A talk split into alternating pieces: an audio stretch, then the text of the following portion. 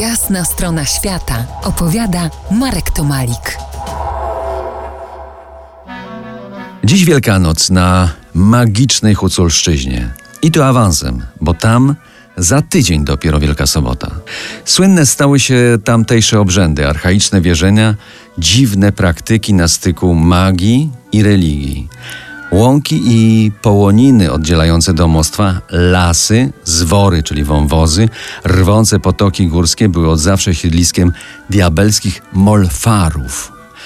Wystrzegano się leśnej, złowrogiej boginki wysysającej krew mężczyzn, Natomiast wieszczuni, czarownicy uważani za półbogów, chronili przed żywiołami zsyłanymi przez złe moce, leczyli choroby i odczyniali uroki. Inny jest wieszczun, co zna przyszłość, co może samym spojrzeniem uzdrowić, a inny molfar, co samą myślą i czarownym działaniem niszczy i zamęcza. Molfary potrafiły jednak walczyć z czartami, za co zdobyły sobie uznanie ludzi gór. Przed demonami broniono się także zielem, modlitwą, a nawet zaklęciami. Zioła i korzenie zbierano na połoninach Czarnochory nocami. Nalewka korzenna z różeńca górskiego, znanego u nas także jako złoty korzeń, do dziś wzmacnia, a kiedyś używana była jako lekarstwo na wszelkie choroby. Anna Pankiw nie była jedyną moją przewodniczką.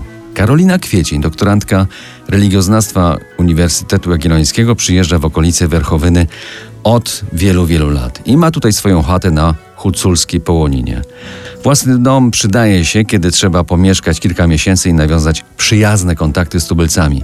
Karolina prowadziła badania etnograficzne na temat współczesnej religijności Hucułów. Zgłębiała tamtejsze zwyczaje, zabobony, pieśni i obrzędy z największym upodobaniem te najbardziej magiczne, związane z losem, przeznaczeniem, śmiercią i życiem pozagrobowym. Prawosławnej i grekokatolickiej wierze Hucułów znalazła wiele akcentów nawiązujących do pogaństwa. To dzięki niej trafiam na kolejny cmentarz w małym przysiłku Bystrec, niedaleko Werchowyny. O tym kolejnym wielkanocnym spotkaniu opowiem za kilkanaście minut. To jest jasna strona świata w RMS Classic.